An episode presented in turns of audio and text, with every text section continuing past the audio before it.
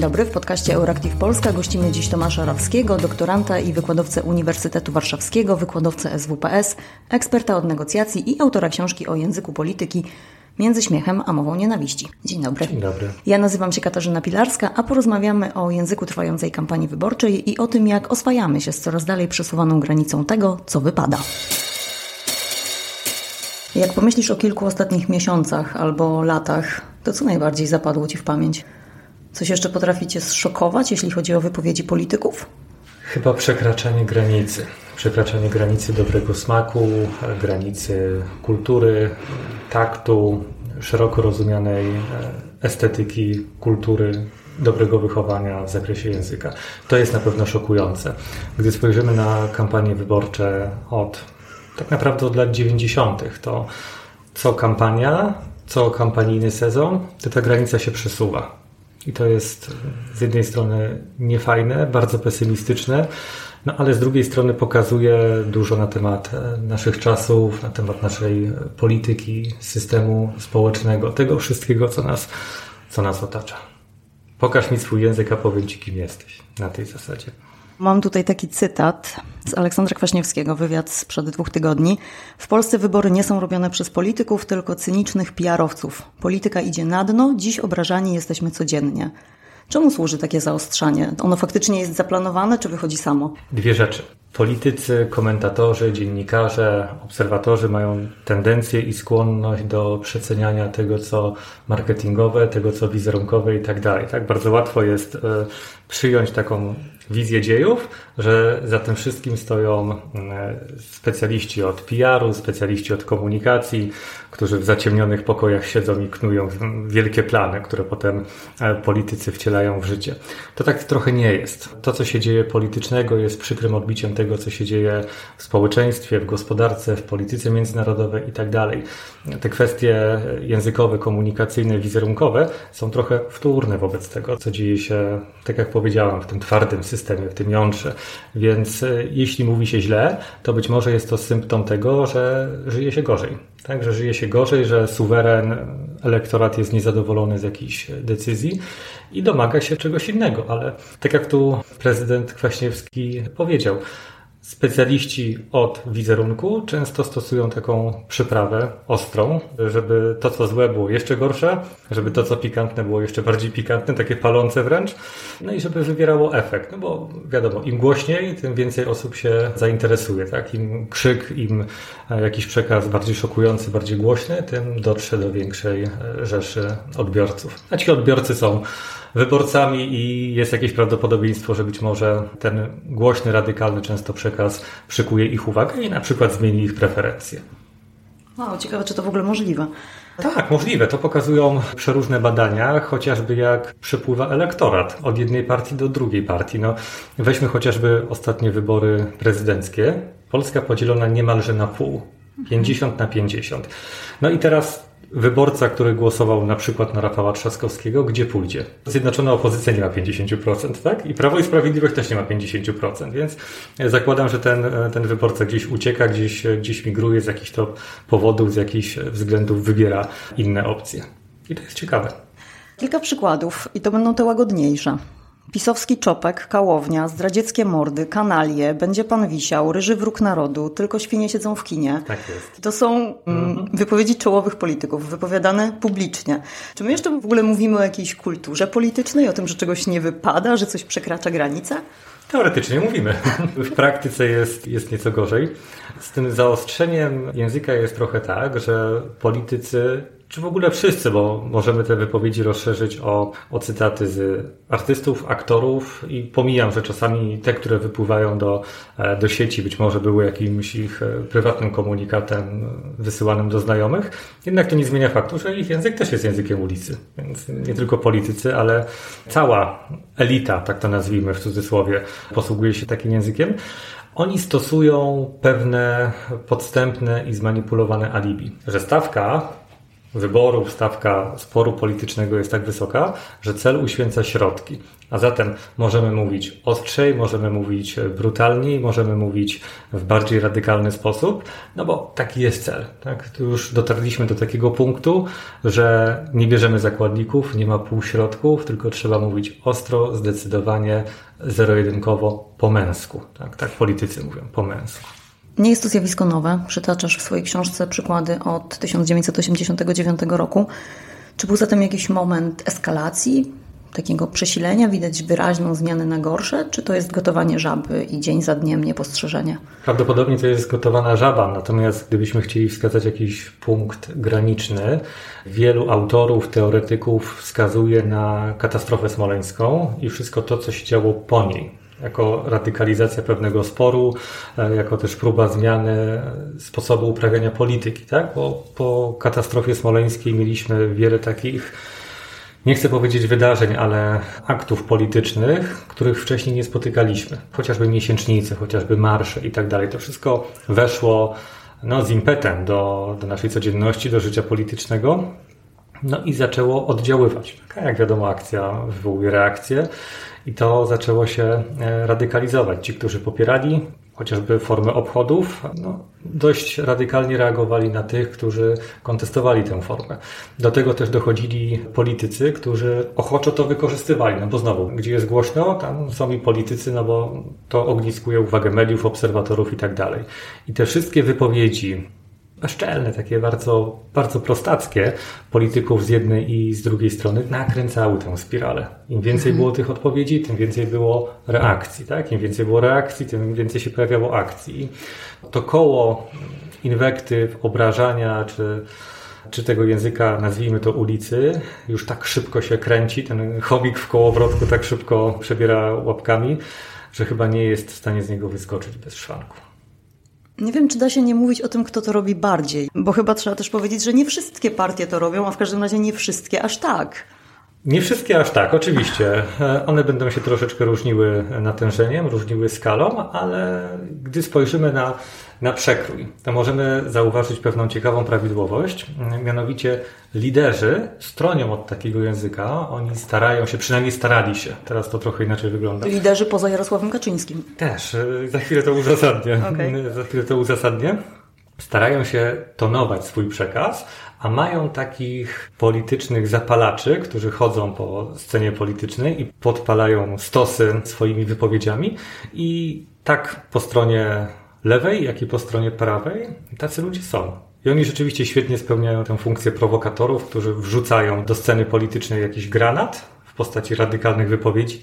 Nie wiem, kiedyś to może być Stefan Niesiołowski, profesor Pawłowicz, E, Andrzej Leper. Andrzej Leper, tak? Czy Janusz Palikot z jednej strony. Potem politycy, nie wiem, szeregowi działacze Prawa i Sprawiedliwości, Platformy Obywatelskiej także. No, poseł Nitras też jest znany z mhm. takiego Suski. dość radykalnego języka. Tak, poseł Suski. Więc oni chodzą. A mhm. liderzy polityczni natomiast starają się tonować ten swój przekaz, żeby pokazać swoją jakość, swój etos, swój profesjonalizm na tle tych, którzy tak negatywnie się wypowiadają. Ale na ten moment to wszystko już się trochę, trochę zatarło i liderzy też, liderzy też zaczynają sobie pozwalać na, na więcej. Jarosław Kaczyński rzeczywiście trochę radykalizuje swój język. Gdybyśmy spojrzeli od chociażby powstania Prawa i Sprawiedliwości, to ten etos polityka eksperta, polityka stylizującego się na ojca narodu, na męża stanu, no, trochę się przeistacza w etos wojownika, który bierze na, na siebie wszystkie razy, wszystkie ciosy. No i on tak mówi, no bo oni jego atakują, a skoro oni jego atakują, to on się musi bronić. I to jest ten, ten cytat o imperatywie moralnym. Tak? No znowu, czasami trzeba w ten, w ten sposób powiedzieć. Ale żeby było ciekawiej, Donald Tusk też mówi o imperatywie moralnym, tylko nie literalnie, ale trochę w innych, w innych słowach. I mówi chociażby Marsz Miliona Serc ostatnio, czy jego jego wiece polityczne, tam też pojawia się ta wypowiedź, że stawka tych wyborów jest tak duża, że nie ma miejsca na półśrodki. Tak? Trzeba zło mhm. nazywać złem, złodziejstwo nazywać złodziejstwem i tak dalej. Tylko pytanie, czy to, co nazywa złem, jest rzeczywiście złem, to, co nazywa złodziejstwem, jest rzeczywiście złodziejstwem, to już jest kwestia wtórna. Faktycznie wypłynął ten temat wojny, walki, takich militarnych w ogóle określeń. Już jesteśmy na wojnie. Już jesteśmy na wojnie. Wcześniej funkcjonowała metafora gry, tak, że gramy, jest jakaś polityczna gra. E, no i w ramach tej gry obowiązują pewne reguły, czasami się fauluje, czasami się przestrzega tych reguł, no ale chodzi o to, żeby wygrać, tak? W ramach tej gry trzeba, trzeba wygrać. Gdy tak usiądziemy sobie na spokojnie i to przeanalizujemy, no to nie chciałbym, żeby 40-milionowym narodem ktoś grał, tak? Bo to nie Ale walczył też nie. Ale walczył też nie chce, tak? Też nie chce. Ani z narodem, ani o ten naród. Ten naród sobie poradzi. Ale no, znowu, politycy chcą za wszelką cenę występować w imieniu tego narodu, no bo to jest ich, to jest ich życie, to jest ich funkcjonowanie. Każdy z nich chce te wybory wygrać, mieć perspektywę spokojnej kadencji i żyć. Czy znajdujemy jeszcze jakieś przykłady śmieszne, takie po prostu zabawne? No pewnie, że są. Nawet w trakcie tej kampanii jest wiele śmiesznostek, wiele zabawnych i humorystycznych cytatów, scen, tylko one się nie przebijają. Jest y, ciekawy materiał w mediach społecznościowych Donalda Tuska się pojawił, gdy jakaś grupa młodzieży podeszła do przewodniczącego PO, chcąc nagrać filmik, zapytali się, czy Donald Tusk może ich zwolnić z niemieckiego. No bo chcieli iść na niemiecki, ale woleli przyjść na marsz, tam na jakąś manifestację, bo to jest ciekawsze. No i Tusk mówi, pewnie zwalniam tych chłopaków, bo będąc na wiecu ze mną, to tak jakby byli na niemiecki. No to pokazuje dystans do siebie. Totalnie. Tak, inna sytuacja z drugiej strony, czyli wracamy do Prawa i Sprawiedliwości. Prawo i Sprawiedliwość stosuje tę formułę festynów. Jak są jakieś festyny, pikniki 800 plus i tak dalej. Tam są zaangażowane koła gospodyń wiejskich, tak bardzo, bardzo swojsko i też w mediach społecznościowych była, była scena nagrana, kiedy to Jarosław Kaczyński podchodzi, tam kosztuje te wszystkie piękne potrawy, te gospodynie takie szczęśliwe, że prezes podszedł i to kosztuje i je tam jakiś smakołyk. Jarosław Kaczyński mówi, no przydałoby się picie do tego. No i te gospodynie takie zaaferowane, pić, pić, prezes chce pić i jedna podaje prezesowi wody, i Jarosław Kaczyński mówi, ale mi o inne picie chodzi. Są te przykłady. No, okay. Chociażby dystans do siebie Szymona Hołowni, który na konwencji trzeciej drogi mówił, że Sławomir Mencen płacze jak ja nad konstytucją, dlatego że Petru go tam prześladuje na tych wiecach. Oni pokazują swój dystans do siebie, mhm. tylko to się nie przebija. Ta, ta chmura ciężkich tematów, hejtu, nienawiści e, jest tak gęsta, jest tak ciemna, że to do nas nie dociera. A tu jest pokazanie polityki z innej strony, takiej polityki z, z uśmiechem. Warto też chyba zwrócić uwagę na taki mechanizm, że jak my robimy to dobrze, jak nam robią to źle. Na przykład Zbigniew Ziobro mówiący, że kanclerz Scholz jest idiotą, właściwie nie wzbudził większego zainteresowania, ale mhm. już Jakub Żulczyk mówiący o Andrzeju Dudzie, że jest debilem, owszem, oburzył. Dwie wysoko postawione osoby w państwie powinny te obelgi oburzać lub nie oburzać tak samo a nie oburzają. Oczywiście, jeżeli ktoś jest przez kogoś obrażany, to jakaś solidarność zawodowa parlamentarzystów, polityków powinna mieć poziom elementarnego wsparcia.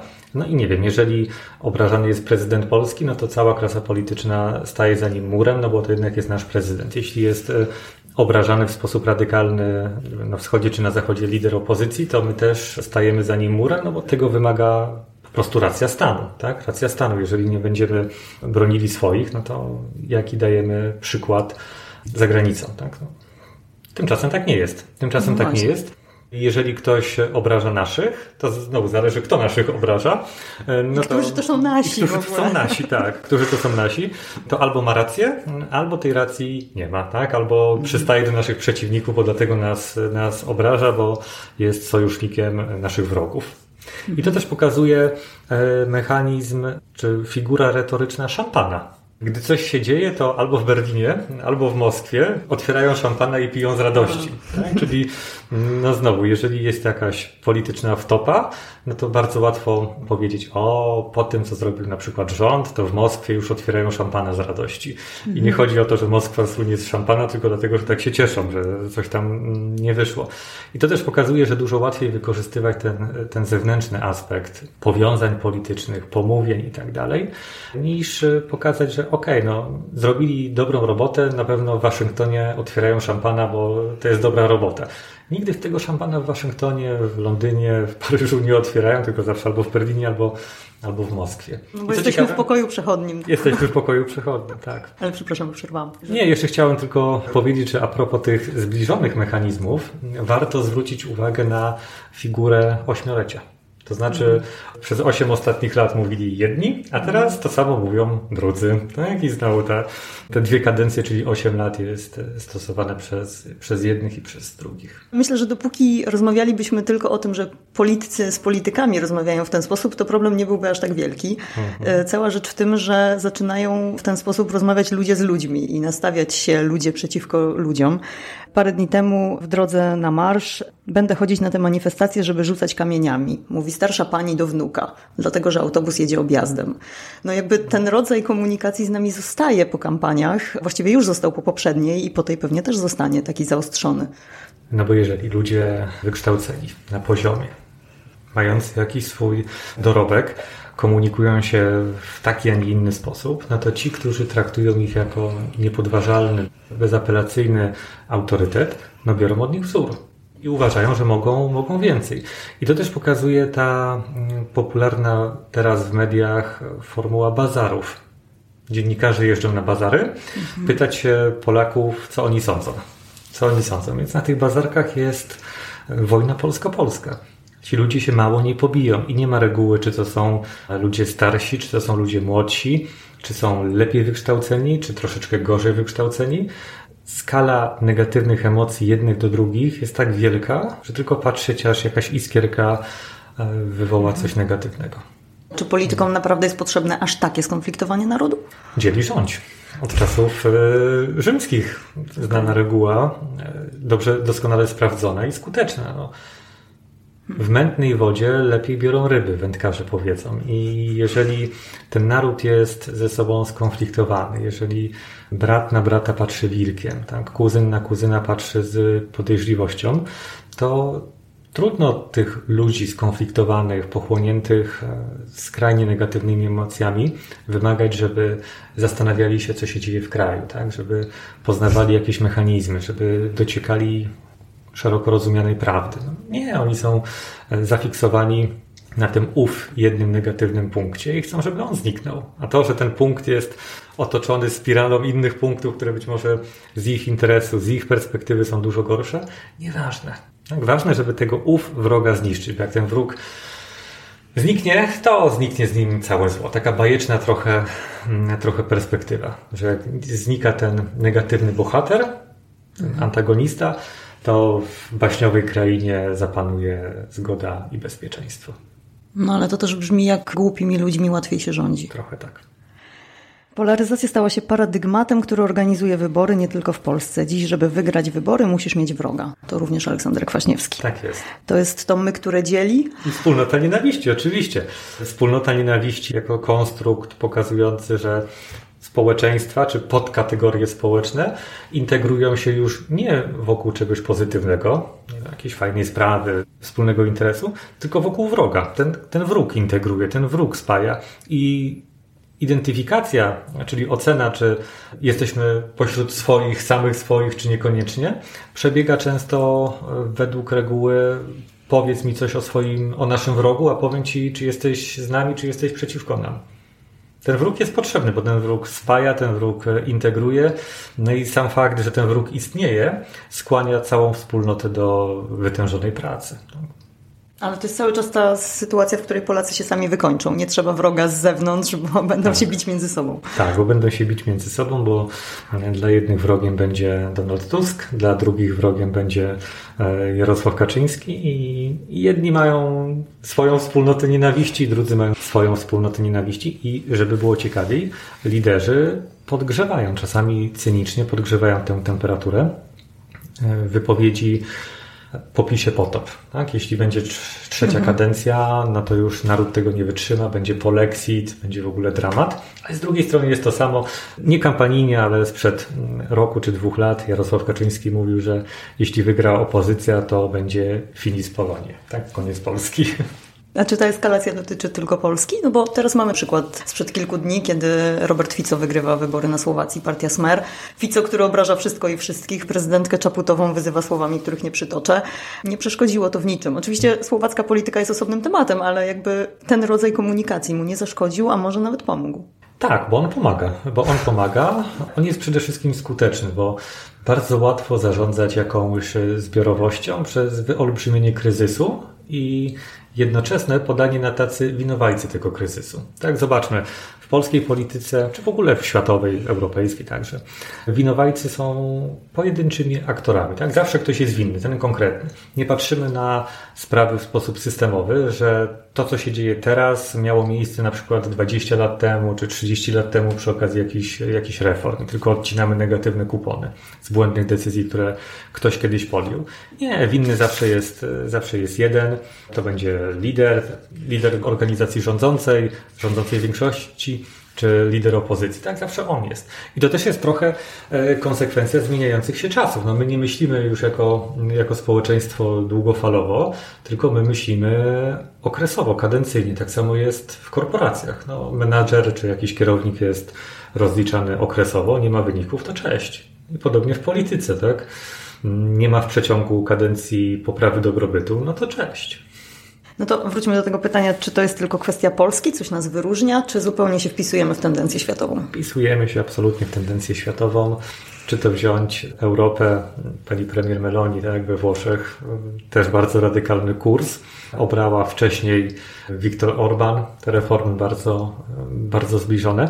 Pamiętam w 2010, 11 chyba roku na Uniwersytecie Warszawskim był wykład otwarty Wiktora Orbana, który miał taką formułę krótka prelekcja premiera Węgier i potem pytania, pytania z sali. I pamiętam jak dzisiaj. Jeden z pewnie przedstawicieli jakiejś prawej strony sceny politycznej e, zapytał się premiera Orbana, co mamy zrobić, żeby wygrać. I Orban tak siedząc, z totalną szczerością powiedział, jeśli chcecie wygrać i chcecie rządzić, musicie mieć swoje media. Tak.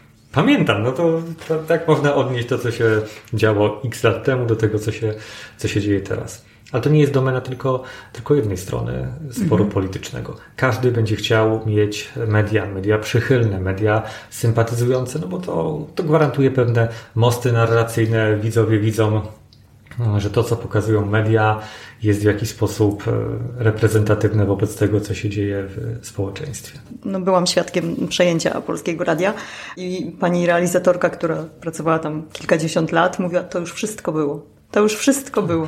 Bardziej doświadczeni dziennikarze czy e, pracownicy mediów pamiętają mm, ponure czasy SLD, kiedy w mediach się źle działo i sami o tym mówią, że to były mhm. ponure czasy. Potem pewnie za platformy było inaczej albo nie było, trzeba by zapytać ich, jak to wyglądało. Teraz też jest jak jest. No. To jest pokusa, tak? Mhm. Pokusa. Ogromny mechanizm prania mózgu, wywierania wpływu, mam na myśli media. I każdy z polityków będzie chciał położyć na tym swoją dłoń, no bo to jest korzystne z punktu widzenia ich, ich interesów, przebudowania świadomości. Więc takie, mm, takie wypowiedzi polityków, którzy obiecują w 24 godziny uzdrowimy media, media publiczne. To jest myślenie życzeniowe, nierealne. Nierealne z punktu widzenia systemowego. Przecież nie przeprowadzą tego w przeciągu doby. Nie ma szans.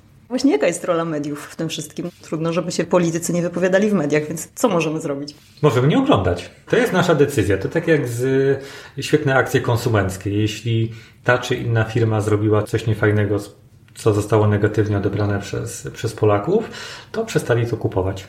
I mamy kilka przykładów firm czy produktów, które no tak mocno straciły na popularności, że te reformy musiały być podjęte, ten rebranding musiał być wykonany. Tutaj czegoś takiego nie ma. Zresztą podobnie rzecz ma się przy okazji polityków. No, jaki mamy wpływ? Możemy na nich nie głosować. Możemy czegoś nie oglądać, możemy nie otwierać jakiejś strony, możemy czegoś nie lajkować, a tym zacietrzewieniu i może krótkowzroczności z ciekawości tam zaglądamy, żeby zobaczyć, bo to też jest forma, jakaś forma igrzysk, jakaś forma rozrywki, tak? Oni Właśnie. siedzą w tym studio, kłócą się i być może mm, widz, wyborca ogląda to według takiego kryterium, no kto komu lepiej dołoży. No bo to jest jak, w jakiś sposób ekscytujące, interesujące i tak dalej. Ale oglądając daje przyzwolenie, a dając przyzwolenie powoduje, że to trwa i trwa. Oraz przesiąka tą agresją. Oraz przesiąga tą agresją, tak. Ale wydawałoby nam się, że jesteśmy odporni na tę propagandę, że przeżyliśmy tyle lat propagandy w PRL-u, to znaczy my jej nie pamiętamy, no ale nasi rodzice, nasi dziadkowie, a zupełnie to nie działa. Nie. I nie dlatego, że te chwyty propagandowe są coraz bardziej wyrafinowane, kreatywne i tak dalej. Może jesteśmy trochę bardziej leniwi, a może jakość życia na tyle spada, życie jest tak trudne, tak ciężkie, problemy, obowiązki, tempo życia i tak dalej. To wszystko się składa na to, że trochę bezrefleksyjnie patrzymy na te, na te media i bezkrytycznie. Pamiętam e, wypowiedź jednego z panów, właśnie wracając do tej formuły bazarkowej, który został zapytany o wybory kopertowe. Tak? Mhm. Czy nie uważa, że to marnotrawstwo 70 milionów e, jest czymś złym? No bo przecież za te 70 milionów można tyle fajnych rzeczy zrobić. No i ten, e, ten pan z taką pełną powagą mówi, w Polsce jest 35 milionów ludzi. To jak dwa złote na łebka. To co to za afera? Mhm. No Punkt tak. widzenia zależy od punktu siedzenia. No i każdą aferę tak naprawdę możemy sprowadzić do pewnej błahostki, że no co to za afera, dwa złote na łebka. Domyślam się, że nie ma takich badań, ale warto próbować. Czy jest jakaś korelacja między tym, że z ust polityków padają takie słowa, a zniechęceniem wyborców albo zachęceniem wyborców? Nie ma takich. Nie ma takich, mhm. ale możemy, ale obserwacja możemy, inspirować, możemy inspirować się innymi badaniami, chociażby pewne analizy czy badania fokusowe, w toku których badani są wyborcy bardzo radykalni, bardzo agresywni. Tacy, którzy no, mają daleko idące pomysły, postulaty i tak dalej. I oni zazwyczaj wykazują dość wysoki współczynnik aktywności wyborczej. To znaczy, oni chcą coś zrobić. Mhm. Tak? Oni chcą coś zrobić, oni pójdą zagłosować, oni są w stanie zrobić dużo, dużo więcej, nie wiem, zerwać plakaty i tak dalej. Ta ich gotowość do, do działań, do aktów jest zdecydowanie wyższa niż wyborcy no, takiego intelektualisty czy takiego refleksyjnego, który sobie w niedzielę po południu pójdzie zagłosować. Czyli... Bo on nie zrobi nic więcej, on pójdzie zagłosować, niekoniecznie będzie taką cudzysłów, nie chcę, żeby to źle zabrzmiało, bojówką polityczną, mhm. która pójdzie, będzie przekonywała, rozdawała ulotki, ale jak trzeba, to zrobi coś więcej, no bo jest kimś na wzór żołnierza. Wracamy do tej metafory, metafory wojennej. I tacy wyborcy, czy tacy aktywiści są na wagę złota, no bo oni zrobią zdecydowanie więcej. No to prawdopodobnie jest ten efekt y, Konfederacji, prawda? Problemem Konfederacji i tych wyznawców może być to, że oni są młodzi. Mhm. Tak, a młodość ma swoje prawa i być może w młodości jest wiele innych e, ciekawych rzeczy do robienia niż bycie bojówką polityczną. Tak? Wielu analityków, którzy zajmują się systemami wyborczymi, frekwencją i tak dalej, mówi, że na przykład wyborcę tego młodego, 18-20 parę lat, może zniechęcić do pójścia na wybory piękna pogoda, bo okaże się, że zrobią coś innego. Tak? Zawsze się mówiło, że to zachęca. Konkurencyjne aktywności. No tak, chociaż to wszystko ostatecznie nie wiem, czy naprawdę ma wpływ. Kto ma pójść, to pójdzie, ale można to porównać do, do wizyty w supermarkecie. Tak? Idziemy kupić chleb, ale może kupimy coś, co będzie na promocji i zdarzy się jakiś czynnik czynnik losowy i sięgniemy po e, jakąś tam inną rzecz, jakiś smakołyk. I tu może być podobnie. Ktoś, kto nie chce iść na wybory, w ogóle się tym nie interesuje, może ulec jakiemuś czynnikowi, na przykład presji środowiska. Tak, będą szli grupą i chodź z nami, pójdziesz zagłosować i, i pójdzie. A na kogo on zagłosuje, to hmm. opatrzność raczej wiedzieć. Coś jeszcze dodamy? Jakąś puentę? Jeszcze mamy do powiedzenia o świecie, czy na świecie podobne przykłady są. No, kandydat na prezydenta Argentyny, antysystemowiec, tak, Xavier e, Milei, który stosuje taką zero-jedynkową strategię. Jego okrzyk wolność kur, PIK, e, to pokazuje, że radykalizm, radykalizacja poglądów, postaw i programów politycznych no, poszła już bardzo, bardzo daleko. Te jego wiece przypominają wielkie show, na którym on, on wychodzi. Na ściance są przypięte karteczki z napisami, z nazwami ministerstw. Chyba też się pojawiały nazwy jakichś polityków i on tak transparentnie podchodzi, zrywa te kartki i mówi won, won, won. To jest taki szpaler tych, tych karteczek. No więc tak, to się, to się radykalizuje. No ale to muszę teraz do tego wrócić. Czy tylko po prawej stronie? Bo ja nie kojarzę lewicowca, który by tak przeklinał i tak na przykład zrywał karteczki, ale może się mylę. No, na świecie tak radykalnych lewicowców y, trudno wskazać, ale na przykład kolektyw lewicowy też jest radykalny. Nasz? W sensie polski? Trochę tak. Co robią radykalnego? No, te wszystkie ich wzajemne wypowiedzi, one też są takie e, pikantne, tak? Można sobie zobaczyć na szorstką przyjaźń Miller-Kwaśniewski, czy teraz Miller-Poseł Żukowska, postulaty wiem, zielonych, tak? postulaty mhm. partii Razem. Oni się gryzą w język, ale pewnie gdybyśmy sięgnęli do jakichś e, ich wąskich mediów, w tym mediów społecznościowych, to tam są dość, dość radykalne tezy. No ale ja mam cały czas wrażenie, że oni na tle to są totalnie wersal. Tak samo jak te debaty telewizyjne z czasów Lisa i Durczoka, to też były w ogóle bez porównania z tym, co się dzieje w tej chwili. No tak, no tak. Tomasz Lis to, to też jest ciekawy, ciekawy przykład. Prawda? Prawda? No właśnie, teraz stał się, znowu on się stał bojówkarzem. No to, co pisze. A Roman Giertych lewicowcem. A Roman ale... Giertych lewicowcem, tak? Roman Giertych, który był w koalicji z Jarosławem Kaczyńskim, teraz w Końskich konkuruje z tym Jarosławem Kaczyńskim.